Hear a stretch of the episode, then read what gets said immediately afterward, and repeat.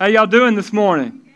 Good. So good to be with you. So excited to get into part three of, of our series. We're calling Promises, Promises. It's a relationship series and excited what the Lord's uh, put on my heart today to share with you. And I'm going to update you just in just a second on kind of where we've been. But before we jump in to that, I just want to let you know a couple of things that are going on here at the church and reiterate one thing that you saw in the news. We opened up the news talking about Rose City summer camps, and they are uh, recruiting for host homes for this summer. And if you would be interested in that, they are actually here as you leave this morning. They'll be out in the lobby right outside the doors and would love for you just to stop by and connect with Matthew and Erica. They would, even if you're not necessarily interested in uh, hosting, they would just love to connect with you. And really, we've been able to, here in the early days of our church, partner and connect with Mentoring Alliance and Rose City Summer Camps and Boys and Girls Club. And we're so thankful for what this incredible ministry really offers our community. And, and if you don't know anything about them, then I would just want to encourage you to take a minute and get to know those guys.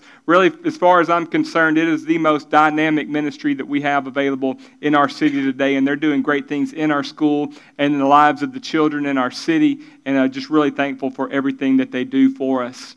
And then I wanted to let you know about something else we've got going on.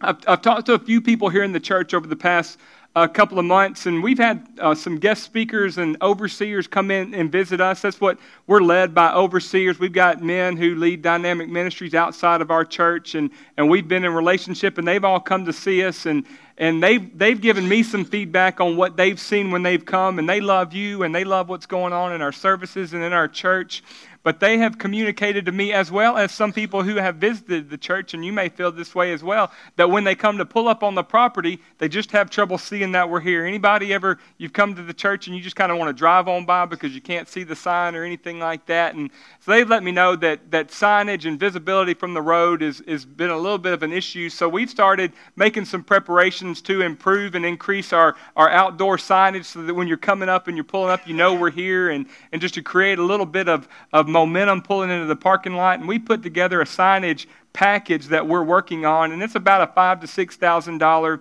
package. And, and if you've been here any amount of time, you know that we don't talk about this in services. And if you're here for the first time today, just want you to know we don't ever talk about this in services. But today, uh, this weekend, I just had a particular situation arrive. I had some people who knew about this, and so far, we've got about $1,700 that we've been able to, to bring in to put towards that. I had somebody reach out to me yesterday and say, Hey, I want to give $2,500 towards that, and I'll match $2,500. So together as a church, if we can put together $2,500 towards that, we've got this anonymous outside donor who wants to bring $2,500 to match that so we can get that signage thing going. So if you want to participate in that, again, this is no, this is, we're not going to twist your arm. I'm not going to bring it up again. We would just ask you to pray about it, ask God if He would have you participate in that. And if He would, just there on your offering envelope, you can just mark signage. If you want to contribute to that, you can also go on our website. We have online giving available. And when you go to our online giving page, there's a bucket, uh, there's a little line that says uh, general, and then there's a line you can click on that drop down box, and there's one that says new signage, and you can give that way as well, and, and we'll get that knocked out. Just thank you for hearing me out on that and praying about considering that today. I want to jump into the message, but before we do, I want to pray for you guys. Lord, we love you.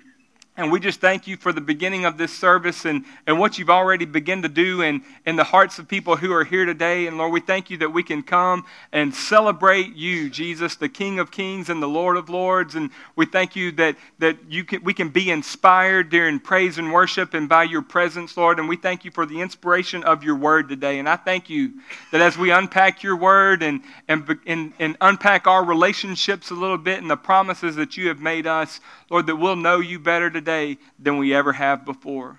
Lord, we pray together. Why don't you pray with me, Lord? Those things I don't know, teach me.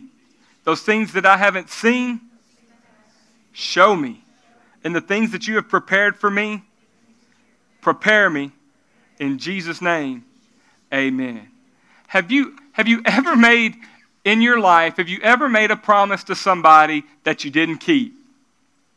Yeah, and the rest of you are lying. We've all, we, have all done. Matter of fact, yesterday uh, we somebody for Christmas gave us one of these little brownie skillet packs, you know, that you just kind of mix it all up and put it on a skillet and you put it in the oven. It's supposed to be really easy to do.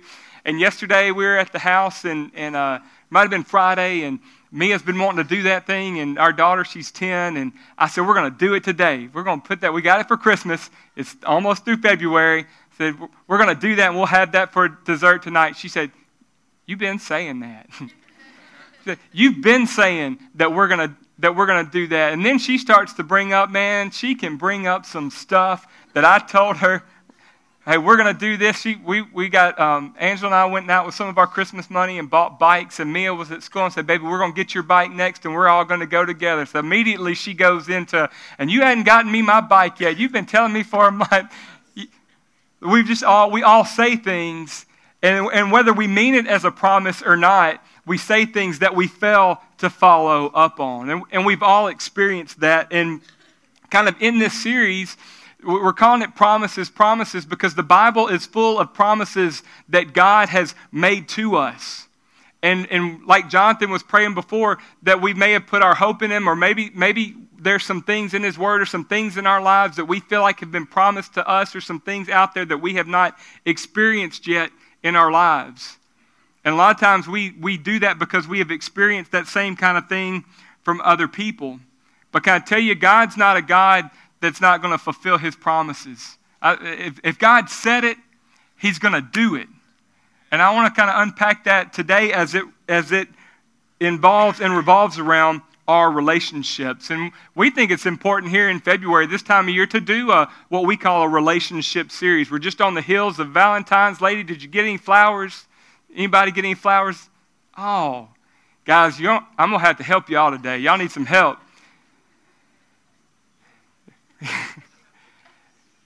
Here we're on the Valentine's, the, on the hills of the Valentine season, and it's this focus on love and relationships. And we know that this is that kind of time of year, and so we think it's important to do a relationship series. We didn't do a relationship series in February of last year because we just launched. And I thought, man, I'm not going to launch a church with a relationship series because you don't even know me. You're going to come to church. Who is this guy to tell me about my relationships? But now I feel like that we've been together for a year and we've been doing this for a little while. Maybe, maybe I've earned the opportunity to not share with you what I think about relationships. You don't want to know what I think about relationships. We want to look to see what God has to say about relationships. That's why you're here today. We can see what God's Word has to say about our relationships. And, and the Bible has a lot to say about relationships because God created them. Our theme verse for this series is, is out of 2 Peter chapter 1. If you've got in the worship guide that we told you about earlier, there's some message notes in there. So if you want to pull those out, follow along, fill in some blanks. You can even, I'll even give you an opportunity to take a, a few extra notes today that aren't in the message notes. But this is our theme verse for the series out of 2 Peter chapter 1. It says, By his divine power, God has given us everything. Say everything. God has given us everything that we need for living a godly life. The, the King James Version says everything pertaining to life. It, even, it makes a distinction. Everything pertaining to life and to godliness. I actually saw the Amplified Version even says that He's given us everything that we need for a dynamic spiritual life. How many of you need a little dynamic on your spiritual life sometimes? It, we all do. He says, well, He's given us everything we need for this life, and we have received all of this by coming to know Him. That's first and foremost. You can't experience it if you don't know Him. We're going to give you the opportunity to make sure you leave today knowing Him. It says, to know Him because He's the one who called us to Himself by means of His marvelous glory and excellence. And because of his glory and excellence, just because of who he is, because he's great, because of who he is, he has given us great and precious promises. Why? Why has he given us great and precious promises? Peter goes on to tell us these are the promises that enable you to share his divine nature and to escape the world's corruption caused by human desires. And can I tell you, if there is an area in our lives that we need some, some of His divine nature on them, it's in our relationships. If, I, if we want to have successful relationships, I want to submit to you, we need some of God's divine nature in them. We've all tried it our own way. We've all tried doing it in our own strength, on our own talents, on how, I mean, I, I have conversations every week with people about their marriages, and, and I've tried this and I've tried that, but can I tell you, God's promises are to us so that we can partake of His divine nature. And I believe that if we have His divine nature working in our relationships, we'll experience marriages, we'll experience friendships, we'll experience all kind of relationships on a whole nother level. Can I get an amen? Not only will we experience His divine nature, but we will escape the world's corruption that is caused by human desires. And you know, if you don't have to look far to look at our world is, is tainted up one side and down the other by some corruption. We see divorce at an all time high. A book that I was studying and I've kind of used as a guide for this message today. It's called Marriage on the Rock by Jimmy Evans. I highly recommend it. We even had a, it's a, it's a marriage book. We even had a small group last semester that was led on this topic by this book. He wrote this book in 1994 and he said that when, when divorce rate keeps going, when, when relationships keep, keep being diminished, when divorce just begin, continues to be widely accepted, he said not only is that going to continue to happen, but you're even going to see less marriage. Like people aren't even going to want to get married anymore, and we're going to begin to redefine what marriage and what relationships are because we're seeing this marriage, this thing that God instituted, people are saying it's not working anymore. And when we feel like it's not working, we're not going to get involved in it. We're not going to participate in it. He wrote that in 1994. And since that time, you can look at all different kinds of surveys and studies, and you can see divorce, may, divorce rate may be down a little bit from where it was 10 years ago, but you know what else is down? The marriage rate. Like people, not as people aren't getting married like they used to because they don't want to be one of these statistics. And you just think about any other area of your life. When when 35 to 50 percent of marriages are ending in divorce, in divorce, it just depends on where you look to find your information. But apply that to your regular life. Like if you if I told you you were going to leave today and the restaurant that you were going to go to, you were going to have a 35 percent chance of getting food poison. You might decide to fast instead of going out to eat, right? Or, or if I told you that when you left today on your way home, you had a 50% chance of driving, of dying in a car wreck, you might decide to walk instead of drive. But yet, here we, get, we enter into relationships and we enter into marriages, 35 to 50% of them ending in divorce, and we're just willing to accept that as a norm. And so, why would anybody want to participate in that? Why would anybody want to get married. And, and just to recap where we've been on this series, we started in week one talking about that the most the greatest promise that God gave us is also the greatest relationship that God gave us, and that's the Holy Spirit. That Jesus came and walked on this earth, He died for our sins, He was raised for three days, and then He went to heaven. And before He went to heaven, He said, I'm going, but I'm going to leave you the Holy Spirit. And it's the Holy Spirit who's going to help you understand the word. It's the Holy Spirit who's going to remind you of the things that Jesus said. And we just looked at some of the things that the Holy Spirit brings into our lives. And again, the greatest promise that God's given us is also the greatest relationship that God's given us. And then last week, we talked about two of the big, big relationships as a church that we've got a responsibility to the relationships in our church, and we've got a responsibility to the relationships out of our church. We do that in small groups and, and through outreach, and you've heard about both of those today.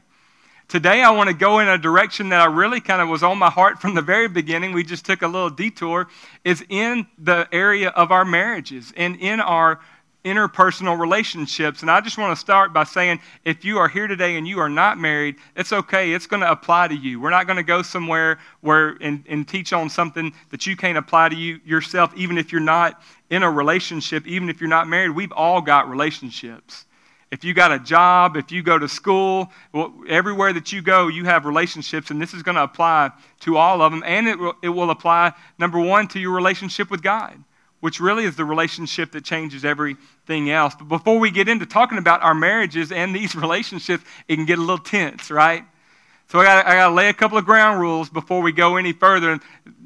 Ground rule number one is I'm talking to you. And you just take your finger and point and say, He's talking to me.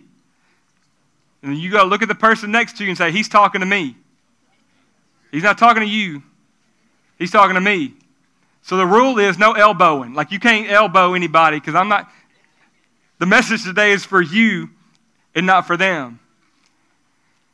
The second thing is if you're here today and maybe you've struggled in your relationships, maybe you have experienced divorce, maybe you're going through something really difficult right now, maybe, maybe you come in hopeless today. Jesus makes all things new. So just let what we talk about today and let God's word point out situations in your life and point out the conditions of your heart, but also let him let God take you from this point forward in a new direction and let him heal you. God, God is He is grace and He is truth. That He has grace for you, that He receives you right where you are as you are, but He loves you enough not to leave you there. And one of the greatest pictures of God modeling grace and truth is, is the woman who was caught in the, in the New Testament. There was a woman who was caught uh, in, in the very act of adultery. And the guys bring them to her, to Jesus. Uh, one, I'm wondering, how do they even, that's one of my questions about it. Like, how, how'd y'all walk in on that? Anyway, she was, though. The Bible says she was caught in the act of adultery, so they bring him to Jesus. They bring her to Jesus. And they said, Hey, Jesus, what are you going to do? And Jesus says, Hey, go and sin no more. So he has, he, he says, I don't condemn you.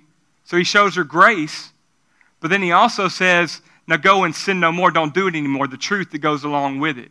And that we all need grace. So wherever you are in your situation, know that there is grace.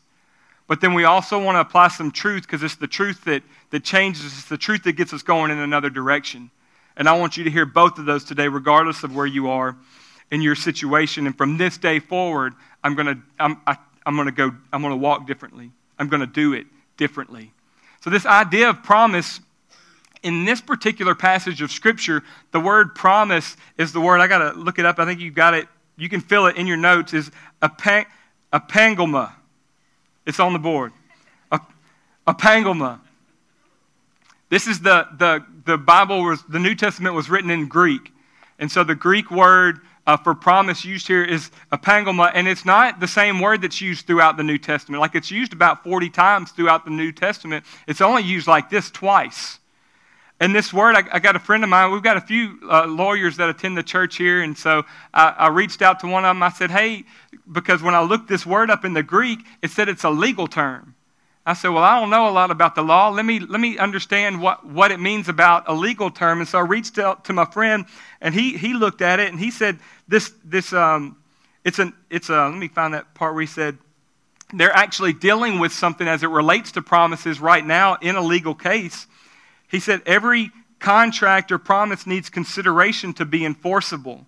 In other words, both sides of the agreement have to have an obligation of some sort for that contract or promise to be enforceable. So God has done his side in promising to us.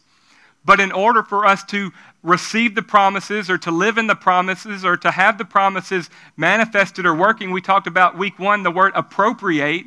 For us to appropriate God's promises in our lives, we've got to participate with God's promises in our lives. Like God said all these great things, most of which we're not going to experience unless we take a step towards them and, and enter into some kind of uh, for lack of better words, some kind of contractual obligation. That there, there's a legal side to this. That God, God puts Himself out there. This word apangoma is, it literally means self committal. Self committal. That I'm, I'm making a promise to you that I am putting myself in a situation of committing something to you. And that's what we've all experienced the hurt from is when I say to my 10 year old daughter, we're going to make that brownie skillet today. I've committed myself to doing it, and then when we don't do it, there's some, some experience. You know, there's, some, dis, there's some, some distance between what we say and what we do. That's not the kind of God we serve. The kind of God we serve is the kind who is he has self-committed himself to fulfilling his promises, but we won't experience it until the other party steps in and participates in it.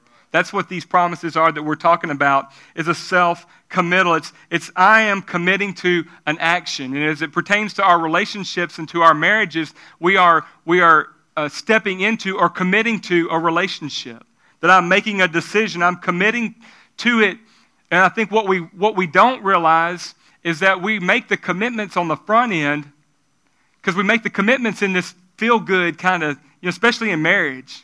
Like we're saying all this I do on this big, pretty day with all this pomp and circumstance going on, and everybody's happy and everybody's loving each other. So we make all these decisions and commitments about what we're going to do while we feel good. But can I tell you, you don't need the commitment until you don't feel like doing it anymore. marriage is and relationships is and the things that God has set out and the relationship that we have with Jesus is a self committal. It's, it's committing ourselves to do something even when we don't realize it. So, what, what I've got in your notes there is that a promise is a commitment that's made now that's going to be needed for the future.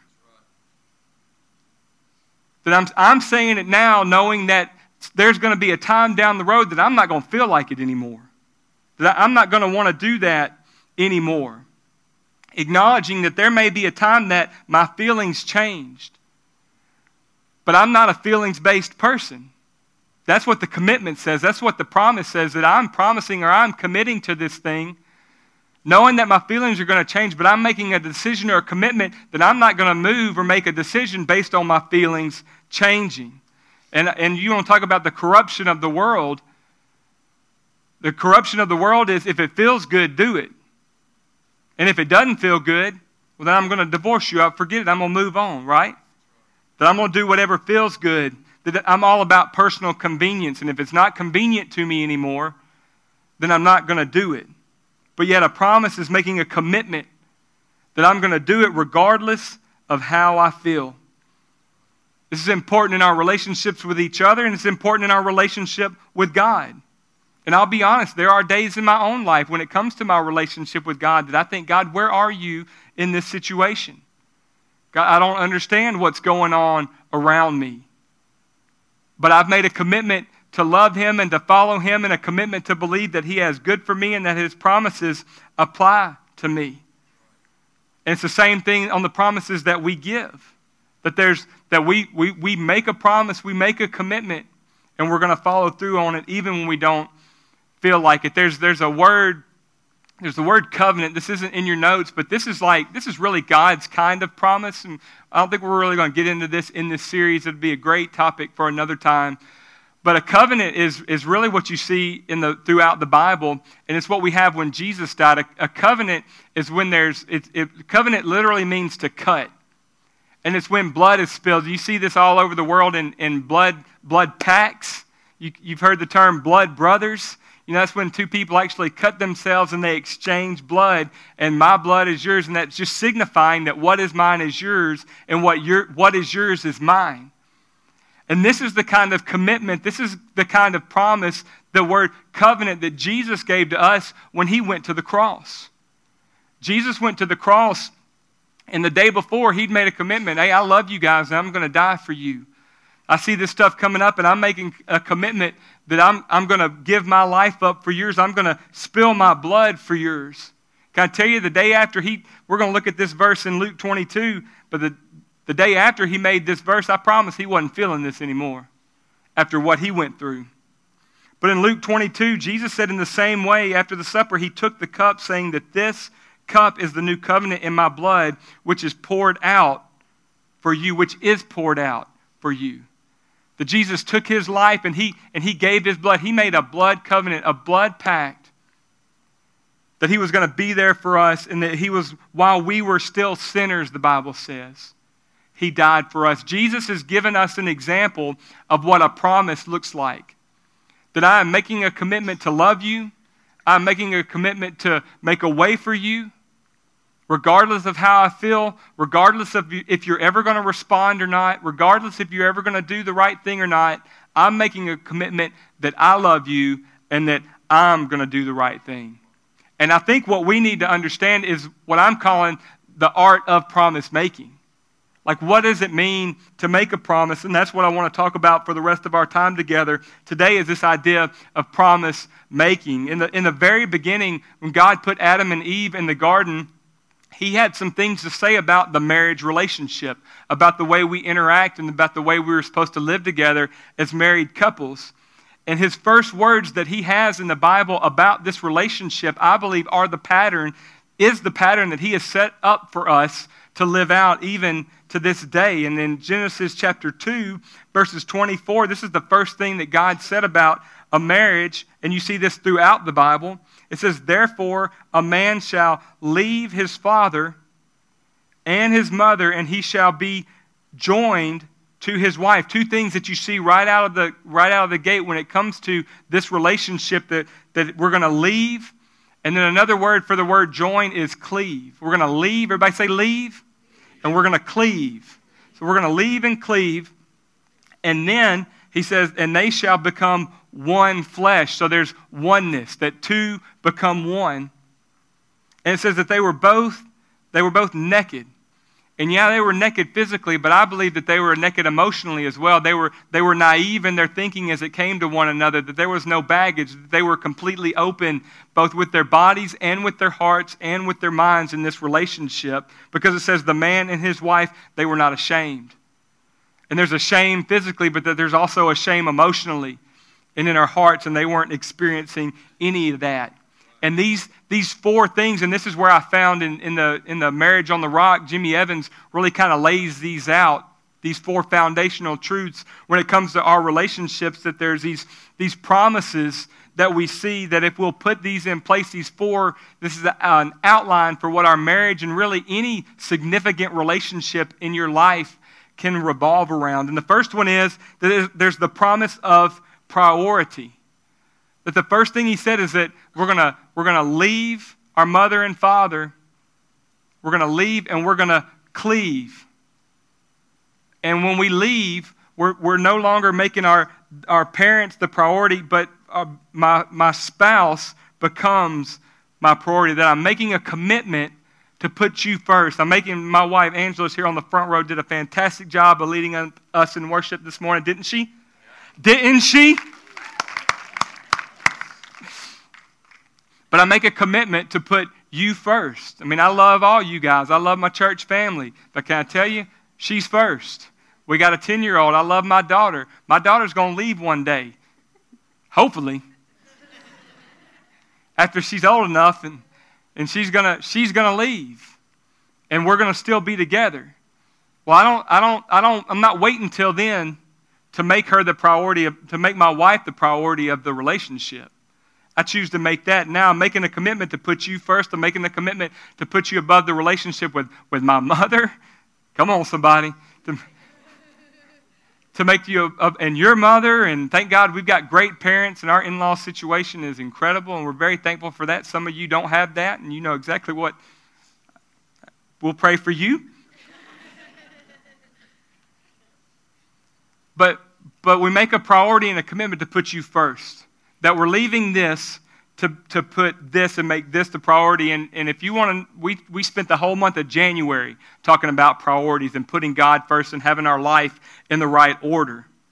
But not only am I committing in my relationship, I'm committing that my relationship is first.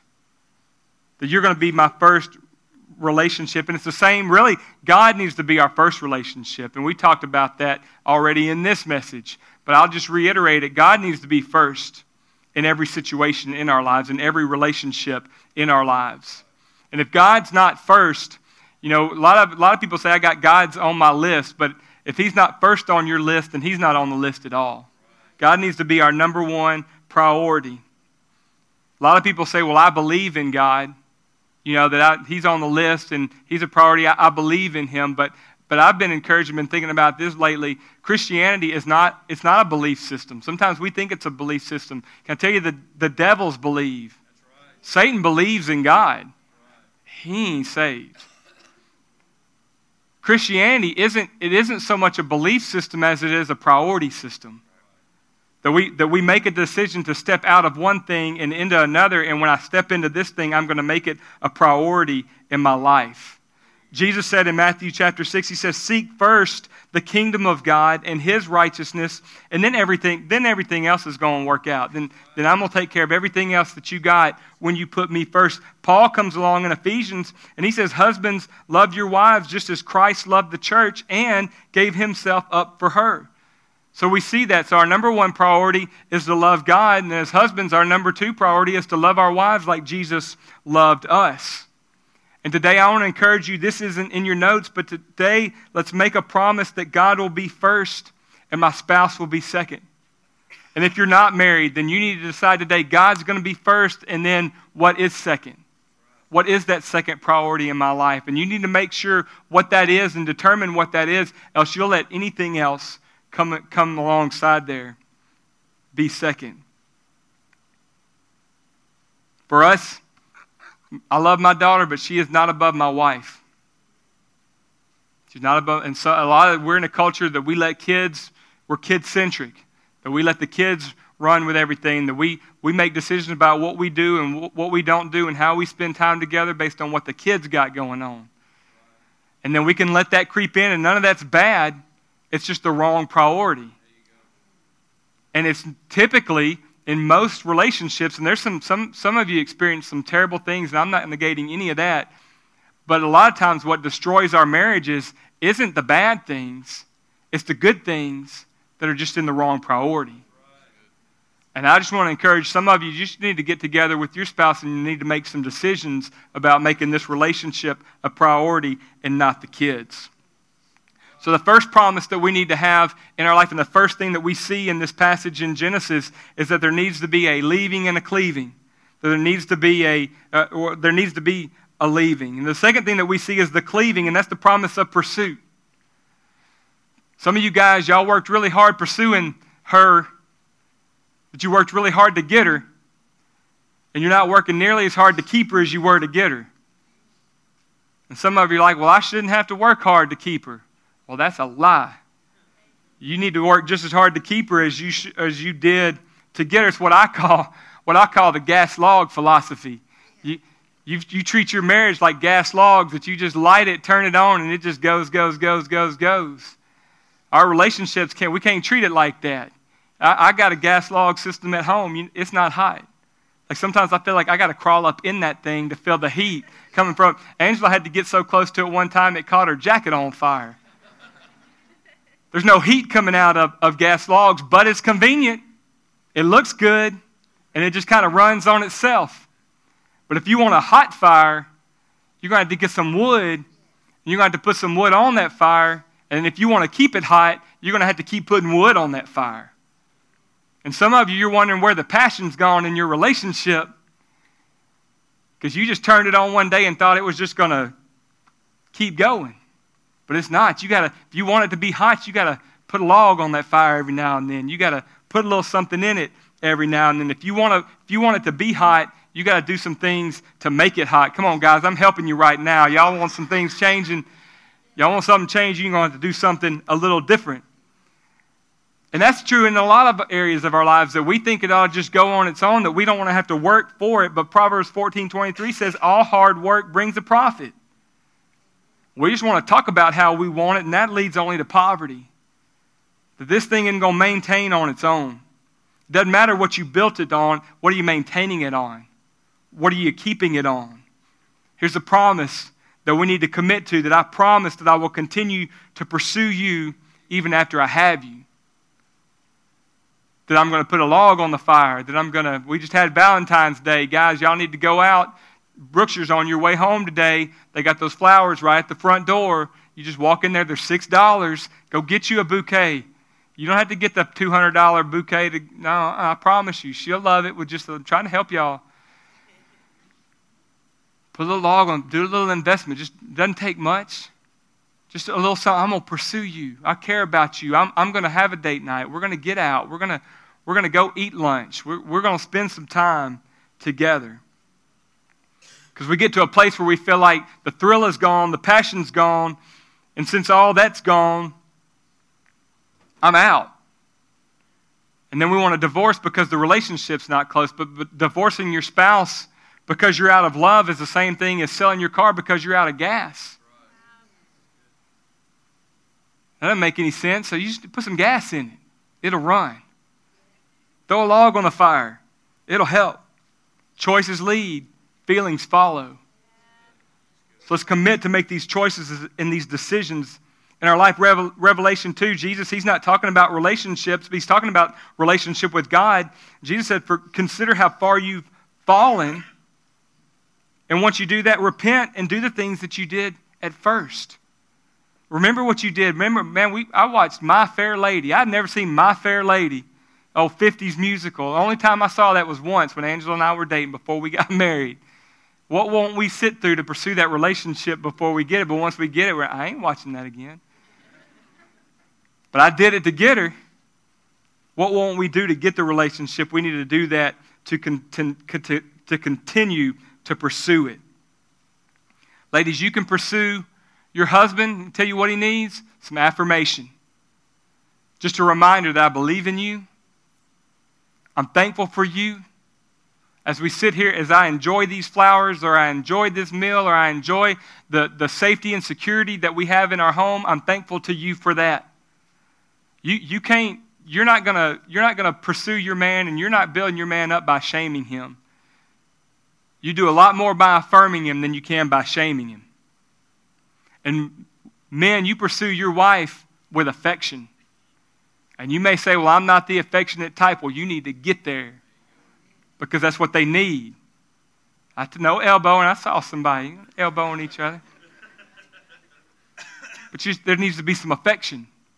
That I'm, I'm going to get outside of my feelings. And I recognize that you need some affection, and I'm going to give it to you regardless of how I feel. So we're going to leave, we're going to cleave. Then the scripture says that we're going to be joined in oneness.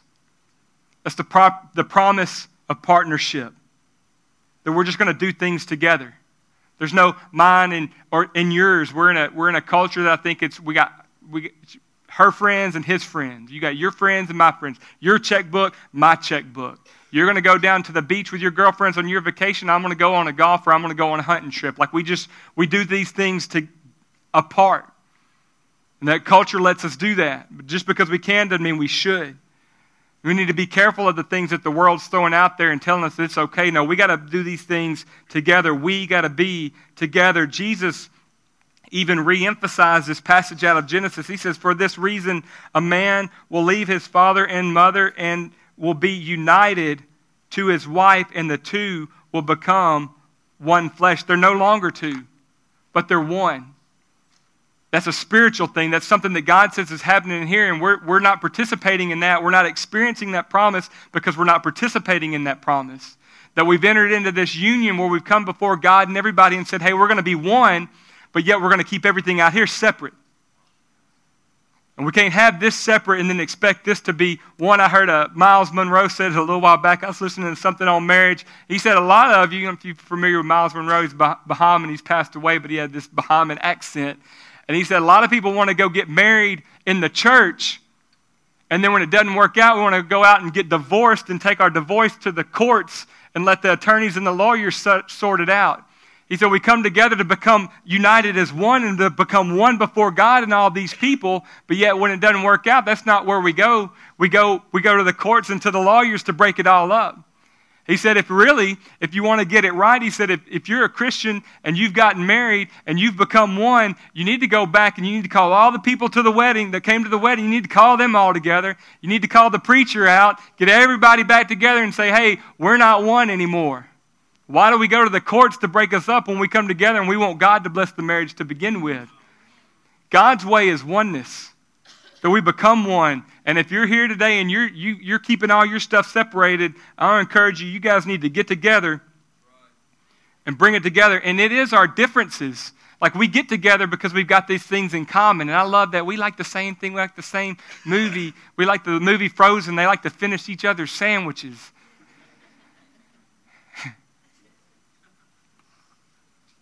And it's these things that it's our, it's our similarities that bring us together.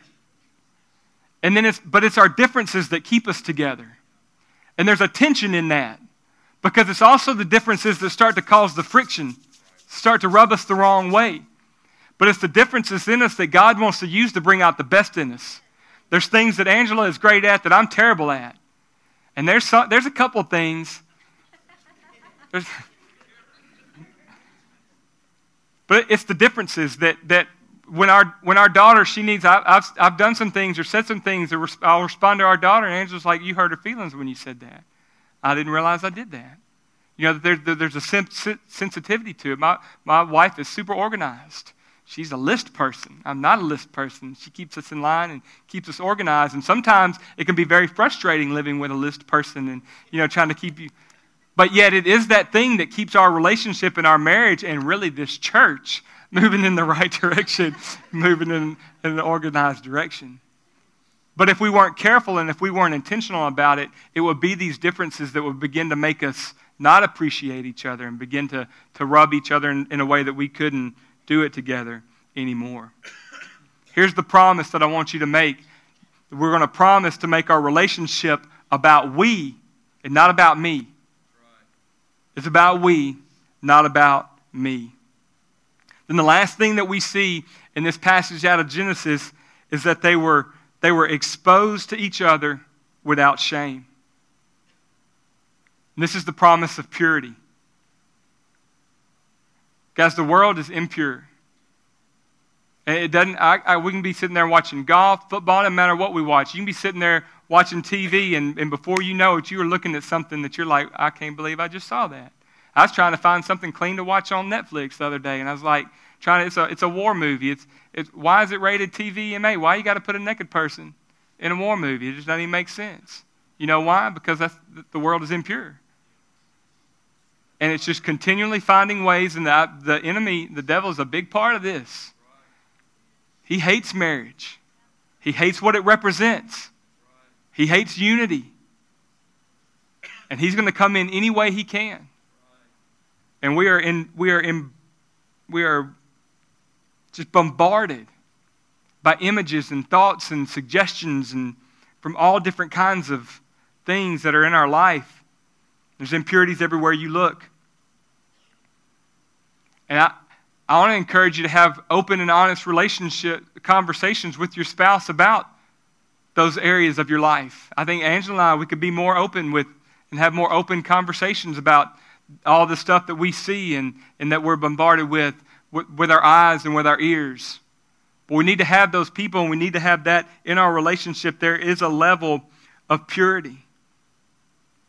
If we do, if we, if we ascribe or, or, or climb to a level of purity in our relationships, and we're not looking for perfection, but we're looking for honesty, we're looking for openness.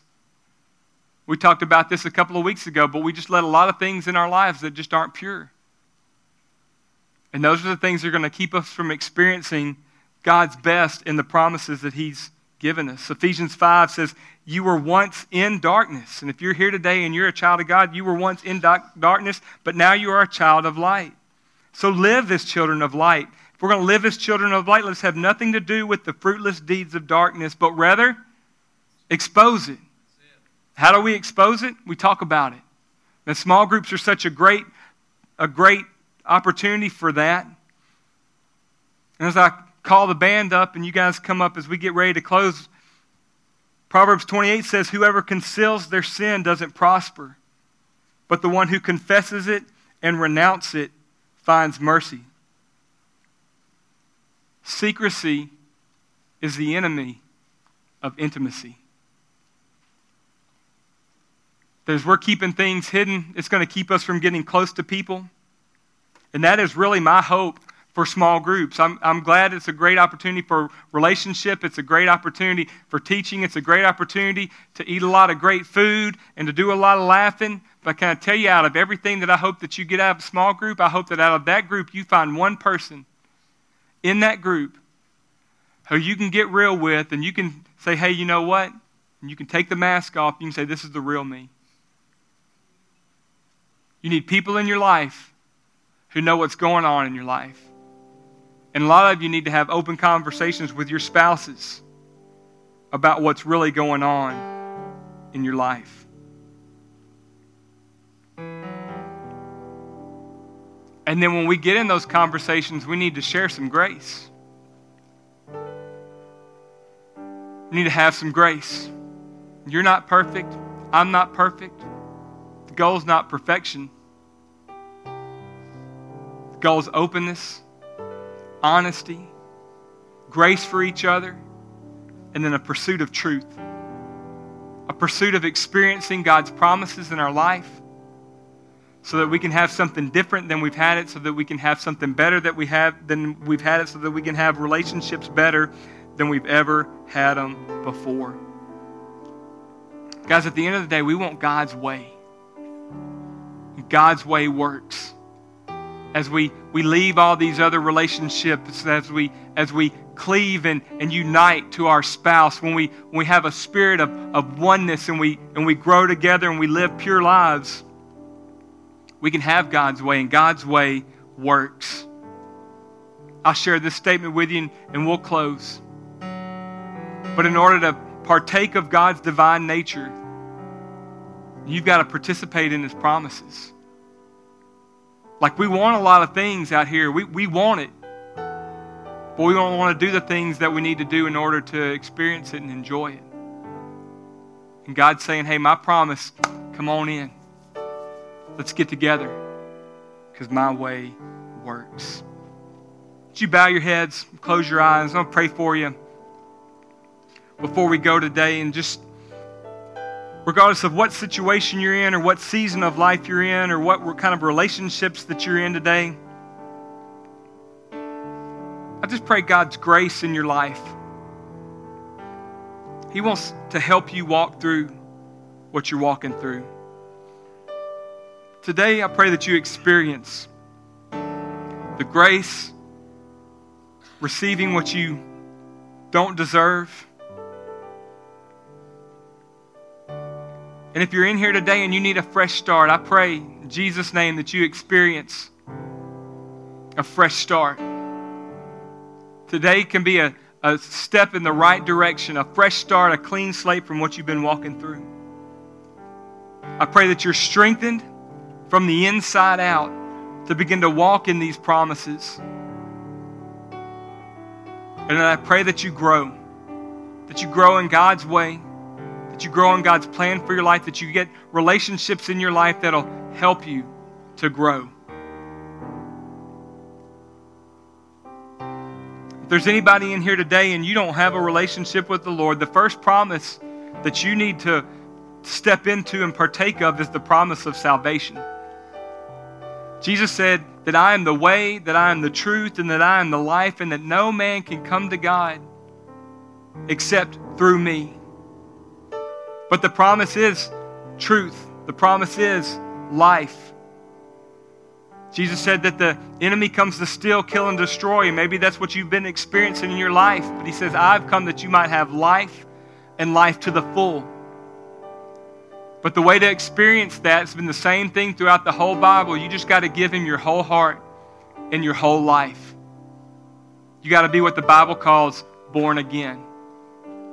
And maybe you've been trusting in your upbringing for eternal salvation. Maybe you've been trusting in, maybe you, maybe you're, the good in your life outweighs the bad in your life. Maybe you've been trusting in your own good works, whatever it is. You've been trusting in something in a relationship with Jesus other than just putting Him first in your life. Today is your day to commit to a fresh start, to commit to following Him, to commit to making Jesus the number one priority in your life. And if you're ready to do that today, I'm going to count to three and I'm going to clap my hands. And I'm not going to call you to the front. We're not going to do anything to bring attention to you. We're simply going to pray with you right there where you are. If you'll let me know, and we're going to pray with you on count three. One, two, three. Anybody? Thank you. I see your hand right here. Thank you. I see your hand. Anybody joins? I see your hands right there in the middle. I see you in the back, back there. Awesome. Thank you, sir. I see your hand. Awesome. And hands all over the room. Why don't you pray this prayer out loud together with me, church? Father God, I thank you for Jesus. I believe that he died on the cross for my sins. I believe that you raised him from the dead. Today, I do more than believe. I commit. I commit my life to follow you. Jesus, I make you the priority of my life, regardless of circumstances, regardless of situations. I will follow you. Thank you for loving me. Thank you for saving me. In Jesus' name, amen. Amen. Hey, church, let's celebrate everybody who made decisions to follow Jesus today. God's so good.